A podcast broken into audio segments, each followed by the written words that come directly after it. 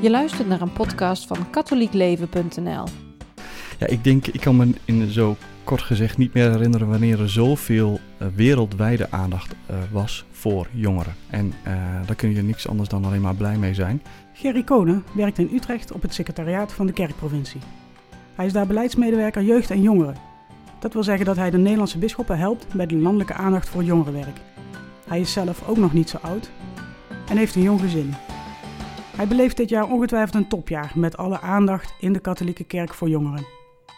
We zitten hier vandaag in Utrecht en ik vraag me af, is 2018 inderdaad een topjaar als het gaat om de aandacht voor jeugd en jongeren?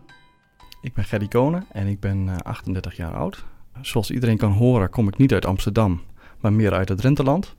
Daar ben ik geboren en getogen, een heel klein uh, een stukje daarvan was nog katholiek en Warempel, daar uh, woonde Gerry Konen. Ik heb, uh, ben gelukkig getrouwd en ik heb uh, vijf schitterende kinderen. En we wonen net over de grens in, in België. We zijn pas verhuisd, dus dat was een hele onderneming, maar we zijn er heel erg gelukkig. Ja, op de vraag of het een topjaar was. in elk dorpje waar een katholieke kerk is, is in ieder geval de vraag neergelegd om iets, een aantal vragen neergelegd voor jongeren. En ja, dat heeft uh, enorm veel resultaten en impact gehad. En zelfs ook in de, in de reguliere media. Dus ja, daar kun je alleen maar blij, blij om, uh, om zijn, denk ik. In oktober 2018 spreken bisschoppen uit de hele wereld in Rome over het onderwerp jongeren, geloof en roeping. Ze doen dat tijdens een bisschoppensynode. Het is gebruikelijk dat daarvoor informatie wordt verzameld vanuit de hele wereld. Het secretariaat in Rome dat de bisschoppensynode voorbereidt, haalt informatie op. Dat wil zeggen, ook uit Nederland. Gerry was daarbij betrokken vanuit zijn functie en ik ben benieuwd hoe dat is gegaan. En of er voor hem ook eye-openers in zaten. Dat was een heel proces. Wij kregen de, de vragen binnen. En zoals elke land ga je natuurlijk de vragen bestuderen en bekijken. Um, en je gaat kijken, zijn deze vragen uh, ten eerste begrijpelijk? Uh, voor jongeren. Um, dan zit de eerste waar je dan tegenaan loopt is de taalbarrière. Uh, het is niet standaard in het Nederlands geschreven. Dus dat is de eerste obstakel die we dan moesten ondernemen. En, en de tweede is, is het goed geschreven of zouden we iets herschrijven of zouden we iets extra's willen doen? Uiteindelijk hebben we besloten om het geheel te vertalen en op die manier zoveel mogelijk toegankelijk te maken voor de Nederlandse jongeren. En dat volgens een proces te doen dat uh, we de vragenlijst opsturen naar uh, de bisdom en de bisdommen vervolgens naar alle pastorale teams.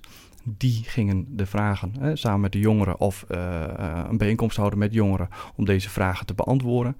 Daar werd samengevat en naar de bisdommen gestuurd. Dat werd weer samengevat door de bisdommen en dat werd uiteindelijk naar mij gestuurd en dat vat ik uiteindelijk ook weer samen. Dus het was een heel hoop papierwerk, maar daardoor wel heel veel mogen zien van antwoorden van jongeren uit heel het land. Er was ook een online uh, enquête. Uh, en die hebben wederom ook uh, een van de weinige landen die dat hebben gedaan, toch echt uh, in zijn geheel vertaald en ook online gezet. Om daar ook de, de mogelijkheid te hebben voor jongeren om dat in een eigen taal te lezen en in te vullen.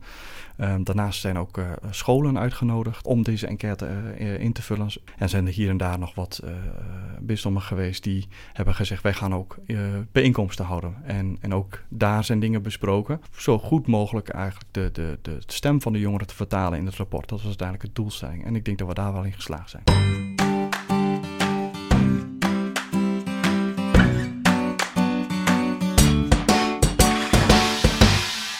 De, de vraag van wie is Jezus voor jou, dat vond ik zelf wel interessant. Van wie gaat, uh, wat zouden hier de antwoorden op zijn? En um, ja, de, het viel mij toch, toch mee dat de meeste uh, toch zien als de zoon van God, gevolgd door een voorbeeld om na te volgen of uh, de verlosser of uh, iemand die van me houdt. En ik denk dat dat, ik vind het fijn om te horen. Dat wil nog niet zeggen natuurlijk dat iemand een relatie heeft met, met, met God of, of, dat in de dagelijkse praktijk toepast. Um, maar het begint natuurlijk met het erkennen van dat Jezus de Zoon van God is. Er zijn nog andere dingen die me opvielen. Om een voorbeeld te nemen, het internetgebruik. een typische vraag waarvan ik dacht, nou ja, oké, okay, dat jongeren gebruiken over het algemeen bekend heel veel internet. Dus dat zal geen, geen, geen verrassing zijn. Uh, doch op de vraag hoeveel uren zit je op het internet, uh, het antwoord daarop elke dag of de hele dag. Ja, dat, daar had ik niet. nou, dat is normaal geliefd. Het is een uiterste, dus je verwacht daar een paar procent, 2, 3, 4, 5 procent. Maar nu is het ruim een derde, 33 procent zegt ik zit eigenlijk de hele dag zit ik op het internet. Dat is zeer opvallend in mijn, in, uh, in mijn beleving in ieder geval. We weten allemaal dat er wel een trend gaande is van, van de eerste keer dat je mijn internet gebruikt, dan ga je nog naar de computer toe, tot een mobieltje die vervolgens hoef je niet meer naartoe, maar die neem je overal mee. Maar eigenlijk zijn we al zover dat het, dat het overal is en, uh, en dat ze continu daarmee bezig zijn of op zijn. En dat is dat hoeft niet per se iets slechts te betekenen natuurlijk. Je hebt uh, overal gereedschappen voor. Net zoals je een hamer gebruikt, dan uh, heb je ook het internet om dat te gebruiken als informatietool. Maar het kan natuurlijk ook een, een verleiding zijn. En dat komt natuurlijk bij elk gereedschap komt ook weer een aantal valkuilen bij. En van een internet is ook het gevaar dat je je daarin kan verliezen. Of dat je je anders voordoet dan je bent. Of het blij oogt, maar misschien in, in werkelijkheid wel heel erg eenzaam bent. Nou, dat moeten we natuurlijk uh, proberen te voorkomen. Maar het is in ieder geval zeer opvallend dat een derde de hele dag uh, op het internet zit. Dat had ik zelf niet uh, op die manier verwacht om uh, goed naar hun te kunnen luisteren, is het belangrijk om ook inzicht te krijgen in welke maatschappij ze deel van uitmaken. Dus in welke leefwereld zij leven. Om ook begrip te krijgen voor de moeilijke situaties. Uh, bijvoorbeeld heel veel vragen kwamen voort uit van, uh, ja, ik, ik heb in, in de presinode bijvoorbeeld, is ook een hele goede, um, dat ze zeggen van, ja, we willen wel graag deel uitmaken van de maatschappij, maar het is best wel verwarrend. Uh, en we krijgen heel veel vragen en soms worden we ook wel eens in een hoek gezet. En dat mee, daarmee zeggende eigenlijk, um, en dat komt ook vaker terug, we hebben antwoorden nodig op de complexe vragen van deze tijd. En, en, daar zijn wij zoekende. Help ons hiermee. Help ons om onze geloof te verwoorden. Komt meerdere maten terug. En dat kun je alleen maar zien als je ook ziet tegelijkertijd dat de jongere die naast deze jongeren staat, hoe het daarmee gesteld is. Uh, en, en, dus moet je ook aan hen vragen, uh, wat is jouw leefwereld? Hoe, zie, hoe ziet jouw leefwereld eruit en wat is jouw hoop? Om vervolgens te kunnen zeggen van... hé, hey, de jongere die naast je staat die niet gelovig is... heeft dit probleem. Um, maar jij worstelt er misschien minder mee. Dat is een aanknopingspunt voor jou om je naaste te beminnen. En lief te hebben en verder te helpen. Wat voor mij het meest opviel is... daar waren drie dingen. Vorming, participatie en rolmodellen. Dat heel veel jongeren zeiden... wij willen graag meer gevormd worden uh, in het geloof. En en dat, dat zie je bijvoorbeeld uit zinnen van the church therefore needs to be a better support for families uh, and their formation, bijvoorbeeld. Maar ook dat jongeren zeggen van, wij zijn eigenlijk, wat ik net zei, we zijn, de, maatschappij is, uh, zit heel verwarrend in elkaar voor ons. De, de, de realiteit van wat is nou precies waar of niet waar, of hoe moet ik me waarin bewegen. En daar op zoek zijn ze op zoek naar antwoorden. En als je naar de. Um, er zijn ook hele kritische geluiden. Hè? Dus met name ook als je natuurlijk uh, de hele breedte uitnodigt. En er zijn vragen gekomen waarin ze zeggen van de kerk zou zijn uh, leer moeten veranderen. Hè? Eh, als, als, dan, als, als een vraag van zijn jongeren. Die, maar die zegt eigenlijk ofwel de kerk moet zijn leer veranderen, ofwel rust ons toe zodat we dat begrijpen en zodat we dat kunnen verkondigen en daar van deelgenoot van kunnen zijn. En daarin zie je eigenlijk dat die kritische houding helemaal geen houding is van onwil of tegen de boze kerk maar meer een van ik begrijp het eigenlijk niet zo goed. En, en daarom denk ik van heb je twee opties, heel logisch. Of verander het zodat ik het begrijp, of leg me het uit zodat ik het begrijp. Maar uh, ik moet het begrijpen. Hè? En dus zie je dat ook daarvan weer uh, het, het, begrijpen en het, het uit kunnen leggen, de vorming heel belangrijk is. Jongeren willen graag natuurlijk in de kerk ook gewoon rolmodellen zien dat ze zeggen die, dat vind ik een geweldig persoon. Zo zou ik later ook willen worden. En helaas is dat niet uh, altijd even evident? Of is er niet altijd een plaats waar die, die rolmodellen zijn? En is het ook echt, wat dat betreft, voor de jongeren wel zoeken in de kerk van die jongeren die een, een stukje gedaan heeft. Um, uh, en uh, dicht bij hun cultuur staat en hun bijna begrijpt en, en tegelijkertijd uh, vol passie midden in de kerk staat. Als ik kijk naar het, gelukkig kijk naar het jeugdwerk waar het meest succesvol is geweest in de afgelopen jaren, dan zie ik met name dat we uh, jonge leiders hebben. Die dicht bij de jongeren staan. En jongeren die weer in die, een deelgroepje staan met tieners. En je ziet gewoon dat dat een hele leuke en gezonde dynamiek is. Van begrepen worden en tegelijkertijd een rolmodel zien. Nee, zelfs in de, in de maatschappij is het zo dat als je, um, als, er, als je in de sales zit en er zit meer dan 20 jaar tussen, dan moet eigenlijk de sales team van, van je doelgroep, dan moet je eigenlijk een verjongend sales team hebben, omdat je eigenlijk een te grote generatiekloof hebt. He, zo gaat de ene salesman die gaat nog op bezoek en de andere die, die, die zorgt voor aanwezigheid online, omdat hij weet, ja, de jongere generatie gaat gewoon zoeken online. Dan moet ik ook aanwezig zijn. Nou, dat zijn van die hele kleine nuances die breed bekend zijn, maar die gewoon hier ook weer opnieuw spelen in, deze, in dit onderzoek. Als ik goed reken, vertegenwoordigen we als Nederlandse katholieken een derde procent van het totaal aantal katholieken wereldwijd.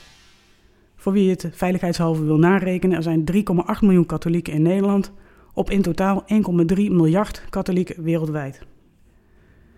Waarom bij zulke kleine aantallen is het dan toch zinvol om mee te werken, alle informatie te verzamelen en die door te sturen naar Rome? Nederland uh, is maar een heel klein landje, um, maar het, uh, ja, we hebben dorpjes en steden en zuiden en het noorden. Ja, en dat maakt uh, een heel dynamisch geheel. Hè? Dus, hoe, dus uh, je hebt plaatsen waar het heel succesvol is en plaatsen waar het eigenlijk nog niet aan begonnen is. Of men daar geen hoop ziet of geen teken van hoe, hoe kunnen we hier nou mee beginnen. Um, en, en daar moet je dan een samenvatting van maken. En, en dat is vaak het lastige, om dat goed te doen. Met ook respect voor alle antwoorden van alle jongeren. Want iedereen moet in die zin wel gehoord worden. Als je het in een ander perspectief zet, uh, laat ik een voorbeeld geven.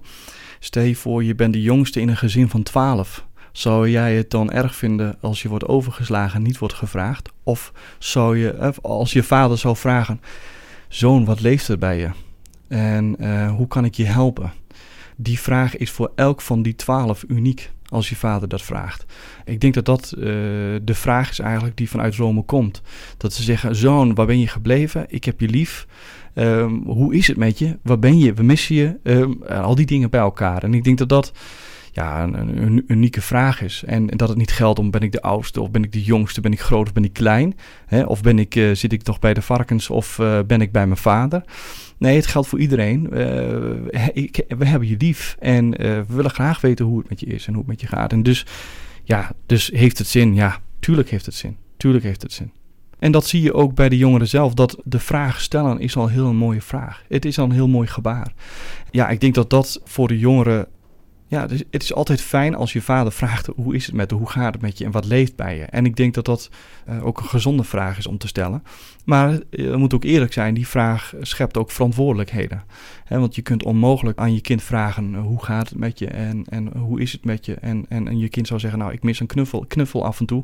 En zegt fijn om te weten, maar vervolgens nooit meer verder knuffelen. Dan wordt het wel problematisch. want dan denkt het kind, ja, ik heb gezegd hoe ik erover denk. Ik heb gezegd waar ik mee worstel en nou komt er niks. Ja, dan, dan, dan kan, het, kan het zuur worden. Dus het geeft ook wel een, schept ook een hele grote verantwoordelijkheid om hier ook heel goed mee om te gaan. Um, en, maar dat zijn ze denk ik in Rome zeker van bewust, anders hadden ze denk ik de vraag niet, uh, niet gesteld.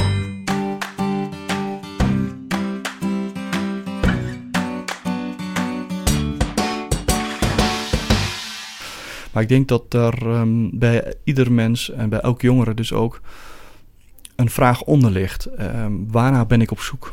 Ben ik gelukkig? Wat maakt me gelukkig? Wat mis ik nog? Of als er een God zou zijn, uh, welke behoeften zou die dan voor mij vervullen? Uh, wat zou de noodzaak zijn voor mij om in een God te gaan geloven of niet?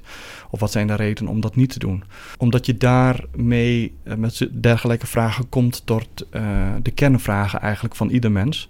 Um, en je heel graag wilt weten waar de kernvragen zijn van jongeren in deze generatie. En dan kom je ook op universelere antwoorden. En daar is het ook makkelijker op anticiperen om te zeggen: oké, we kunnen voor een groter geheel iets gaan betekenen. Omdat de vraag die naar buiten komt bij jongeren, eh, ik voel me eenzaam, ik voel me niet begrepen, heeft natuurlijk een dieper oorzaak uh, van binnen. En, en die wil je natuurlijk graag naar boven halen. Ik zie een, een aantal goede voorbeelden. Je ziet vooral dat, uh, en dat is met name in de Nederlandse situatie, daar waar iemand is aangesteld om iets te doen in het lokale jeugdwerk. Um, dat daar de kans op succes het grootst is. Het blijft altijd fragiel. Eh, want uiteindelijk je moet gewoon beginnen en je gaat met ze in gesprek en je betrekt ze erbij en, uh, en je hoopt op het beste. Maar het kan ook zo zijn dat de eerste drie jaar je iets opbouwt en daarna gaat iedereen studeren en iedereen is weer weg. En je denkt, ja, waar heb ik het allemaal voor gedaan? Dus het wordt ook soms ook heel veel saaien. Maar er is tegelijkertijd ook heel veel hoop. Ik zelf kom uit een heel klein dorpje Wijtenveen. dat heeft nog maar een paar duizend inwoners. Het zijn twee straten en je, en je rijdt er doorheen. En toch zijn er heel veel jongeren uit voortgekomen die allerlei posities innemen binnen, uh, binnen de kerk. Die een heel goed uh, geloofsleven hebben, die daar heel veel passie hebben. Die, de een is sterk evangeliserend, de ander is, die gaat sterk de diaconie in. En, en was daar jeugdwerk? Nee. Dat was, was er echt, dat we zeggen, hey, was echt iemand altijd voor de jeugd aanwezig en die jeugdwerk trok? Nee. Maar wat was er wel? Een gebedsgroep die continu bad voor de jongeren van Heer, uh, raak de jongeren aan. En ook dat is heel belangrijk in het jeugdwerk, dat er voor de jongeren gebeden wordt. En dat is ook toevertrouwen aan God zelf. Ook dat is, is, is een bijdrage aan het jeugd- en jongerenwerk. En dat mag ook niet worden vergeten. Hoe langer ik erover nadenk, hoe interessanter ik het hele proces vind. Het Vaticaan stuurt een document met vragen rond, mensen gaan erover in gesprek, de bisdommen sturen samen een document terug. Er is een enquête onder jongeren wereldwijd die in Nederland werd vertaald, uitgezet, samengevat en naar het Vaticaan gemaild. En ook de presynode van jongeren die in maart in Rome plaatsvond leidde tot een final document. Het is een heel geordend proces, maar het is eigenlijk ook een groeiende stapel papier zou je zeggen. Ik ben benieuwd hoe Gerry dat ziet. Ja, ik, ik, als, ik, als ik heel kritisch ben, zou ik haast denken dat het, dat het uh, onbegonnen werk is. En dus is de, de effort die gedaan wordt en geleverd wordt om, om dit mogelijk te maken, is eigenlijk onvoorstelbaar. Als je voor, even voorstelt dat je dus een wereldwijde enquête uh, gaat houden, die gehoord moet worden. Uh, niet alleen in elke parochie ter wereld, maar in, ook op elke school of elke plaats waar jongeren zijn. Ja, dan, dan zou iedereen die van meet af aan zeggen dat is onmogelijk. Daar moet je niet aan beginnen. Ook nog eens over allerlei culturen en interpretatie van zinnen en woorden. Ja, dan krijg je natuurlijk het hele bulk aan informatie terug. het, is, het is een hele bijzondere, ook vanuit wetenschappelijk oogpunt, een hele bijzondere exercitie. Uh, en, en zeer veel respect voor om dit überhaupt in gang te zetten. Uh, en om dit aan te durven, te kijken wat er komt. Hè. Dat is natuurlijk ook niet zeker. Ja, dus wat dat betreft... Um, ja, alle, eh, volle, volle eer en lof daar, uh, daaraan toe. En dat het soms uh, ja, in cultuur misschien net iets anders doet, die toch wel even de vragen net weer wat anders maakt. Ja, dat maakt het misschien wel wat moeilijker, maar het is wel typerend aan een wereldwijd onderzoek. En daar zijn ze volgens mij zich wel van bewust. Maar ja, dat is de, dat is de uitdaging. En het is vast zweten daar op dit moment in Rome. Dat, niet alleen vanwege de hitte. Als Gerry vijf minuten met de paus zou hebben om hem te vertellen over de jongeren in Nederland, wat zou hij dan zeggen? Nou, ik zou in ieder geval zeggen dat in Nederland en de Nederlandse jongeren ontzettend veel potentie zit. En uh, een enorme drive om vooruit te, te willen met de kerk. En, uh, en ook een drive om er deelgenoot van te zijn. Ik zou dan eigenlijk dan willen vragen van hoe zou u dan deze jongeren die dat heel graag willen en die heel graag iets waardevols zoeken en betrokken willen zijn, hoe zou, hoe zou u die willen leiden naar Christus en zijn kerk? En welke middelen of tools zou u daarvoor beschikbaar stellen om dit ook voor ons allemaal mogelijk te maken? Dus welke ideeën uh, hebt u daarbij om, om, om, om dat te doen? De paus is nogal direct. Hij heeft de jongeren gezegd: word geen luie christen, word geen canapé-christen, kom van je bank af. Dus als we die vraag om zouden draaien en de paus zou vijf minuten met Gerry Konen hebben, wat denkt Gerry dan dat de paus ons in Nederland voor zou houden? Nou, ik denk dat um, uh, hij zou zeggen: houd vol en geef niet op. En we zien jullie en uh, we horen jullie en we willen er alles aan doen en geef ons de mogelijkheid om, en, en heb geduld ook met ons en bid ook voor ons, opdat wij uh, ja, samen iets vruchtbaars mogen maken uh, in deze generatie, in, deze, in dit tijdperk wat al zo verwarrend is. Dus ja, ik denk dat hij zoiets, zoiets zou zeggen. Ik, ik denk dat de, de, de jongeren in het algemeen, hij wel ziet dat het soms al, al lastig genoeg is. En, uh, en, en dat het, uh, het kleine zaadje uh, wat er in de harten is geplant, dat het gewoon water nodig heeft. En voeding nodig heeft. En aandacht nodig heeft. En, en, en dat, is, dat heeft hij al gezien. Dus ik denk dat hij daarin zal bemoedigen. En daar heeft hij ook al stappen in genomen. Dus ja, daarin kunnen we toch zien dat hij zijn rol dan wel hier, hierin verant, zijn verantwoordelijkheid neemt. Dit was een podcast van katholiekleven.nl. Bedankt voor het luisteren.